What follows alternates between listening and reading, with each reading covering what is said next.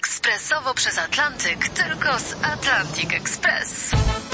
Z nami wyślesz co chcesz, kiedy chcesz, do kogo chcesz i to o 40% taniej. W Atlantic Express wysyłamy wszystko. 1 800 775 7363. Mienie przesiedleńcze, kontenery, paczki do Europy.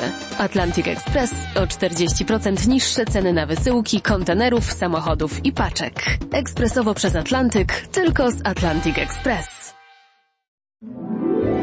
Złote lata Hollywoodu, epoka jazzu i nieograniczonej swobody, oszałamiających karier filmowych, niewyobrażalnych zarobków i upadków na najniższe dno.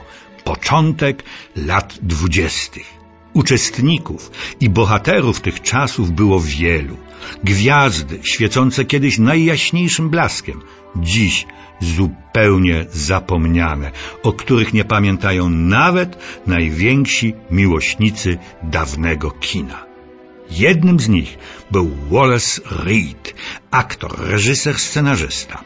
Urodził się w 1891 roku w St. Louis. Zmarł w dramatycznych, tragicznych okolicznościach w roku 1923. Jego ojciec był reżyserem teatralnym i filmowym. Wallace Reed miał cztery lata, kiedy pojawił się po raz pierwszy na scenie. W szkole rozwijał swoje talenty muzyczne, plastyczne i sportowe. Miał 19 lat, kiedy pojawił się po raz pierwszy na ekranie i to w filmie wytwórni Zelik, która mieściła się w Chicago i dla której jego ojciec pisał scenariusze. Wkrótce Wallace przeszedł do Vitagrafu. Tutaj grał role charakterystyczne, ale zastępował również, kiedy było trzeba, operatorów, a także grał na pianinie w czasie nakręcania zdjęć, żeby aktorzy mogli się lepiej wczuć w sytuacje, w których występowali. Na rok przed wybuchem I wojny światowej ożenił się z Dorothy Davenport, która odegrała szczególną rolę w jego życiu. Dorothy też była osobą uniwersalną. Aktorka, producentka, reżyser i scenarzystka. Jej matka występowała we wczesnych filmach Chaplina. Dorothy grała często ze swoim mężem Wallace'em Reedem a on po kilkudziesięciu najróżniejszych filmikach zagrał małą, ale znaczącą rolę bojowego kowala w Narodzinach Narodu Gryfisa, arcydziele sztuki filmowej, choć w filmie jednoznacznie rasistowskim, gloryfikującym niesławnej pamięci Ku Klux Klan. Potem już szedł film za filmem. Czasami rocznie występował w kilkunastu.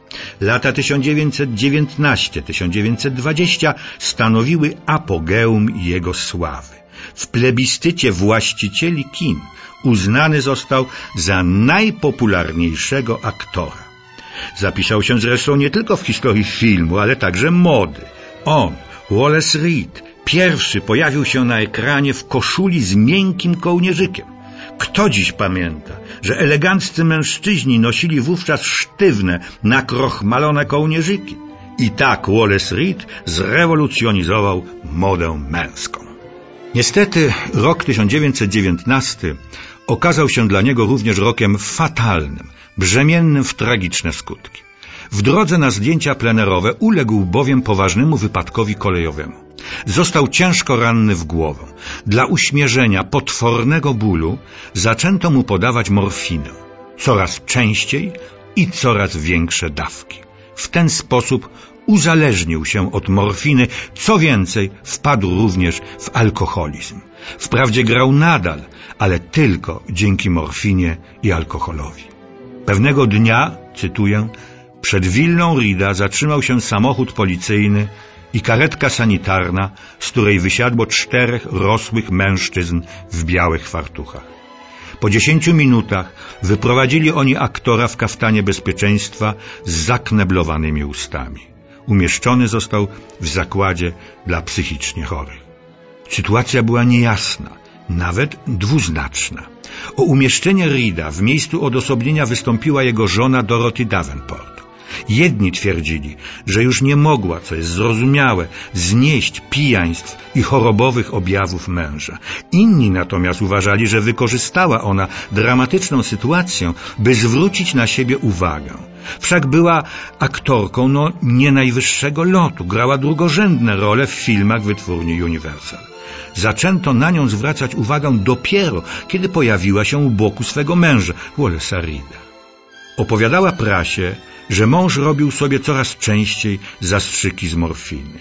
Po paru miesiącach nie mógł już pracować bez morfiny. Dla widzów amerykańskich był to szok.